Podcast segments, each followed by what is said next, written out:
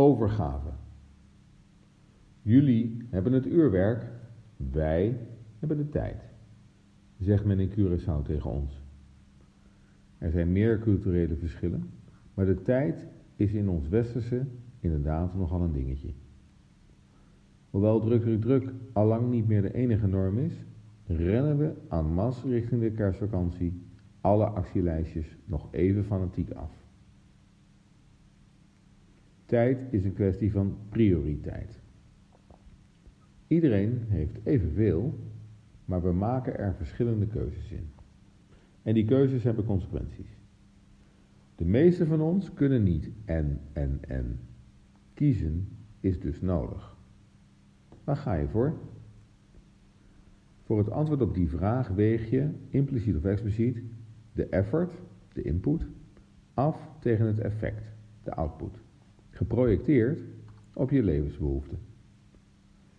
Dat is mooi beschreven, maar ondertussen woest ingewikkeld.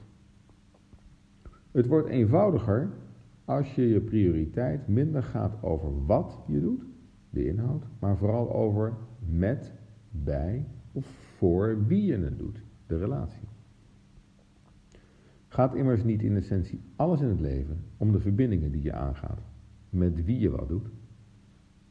Niemand kan het alleen. relaties zijn wezenlijk. Of het nou gaat om een werkrelatie, de relatie met je baas, je collega's, je familie, je liefste lief, je sportvrienden. Natuurlijk is er iets als liefde voor het vak. Maar het gaat er misschien meer om met wie je dat vak uitoefent. Alleen in goed gezelschap kom je verder. Leren, bouwen, creëren, verbeteren. Natuurlijk is er vooral eerst een materiële transactie. Loon voor werk. Maar in de meeste gevallen gaat het over lol, zorg, een thuis, leren van elkaar, gemeenschappelijkheid in missie en doel. Bij wie word je beter in je vak? Wie moet er in je projectteam om het resultaat te halen? Welke leider geeft eerlijke kansen en feedback? Het gaat over aantrekkelijkheid, aantrekkingskracht. Vergelijkbaar met bij wie je s'avonds op de bank wil zitten.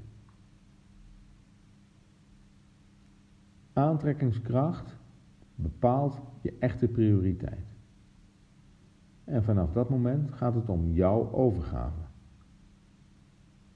Daar gaat je tijd primair naartoe. Of je je terecht overgeeft, weet je van binnen. Jouw waarheid voel je. Geen opgelegd pandoor. Immers, waarom doe je wat je doet? Door meer naar de relatie dan naar de inhoud te kijken, is je overgave automatisch gebaseerd op waarden. Wat je doet gaat over shareholder value, met wie je het doet gaat om shared value. Wat je erin stopt, krijg je ook terug. En de ander, met wie je doet wat je doet, ook. Jij bent omgekeerd ook aantrekkelijk. De ander heeft immers ook een keuze een prioriteit. Commitment werkt wederzijds. Met je overgave wordt de rest van de dingen minder belangrijk. Die krijgen vanzelf minder aandacht. Voor meer resultaat wens ik je dat je in 2020 je overgave baseert op met wie je wilt zijn. Zodat je resultaat boekt en meer tijd over hebt. Tijd voor jezelf bijvoorbeeld. Resultaat door prioriteit. Laten we zeggen dat ze in Curaçao nog iets van onze overgave kunnen leren.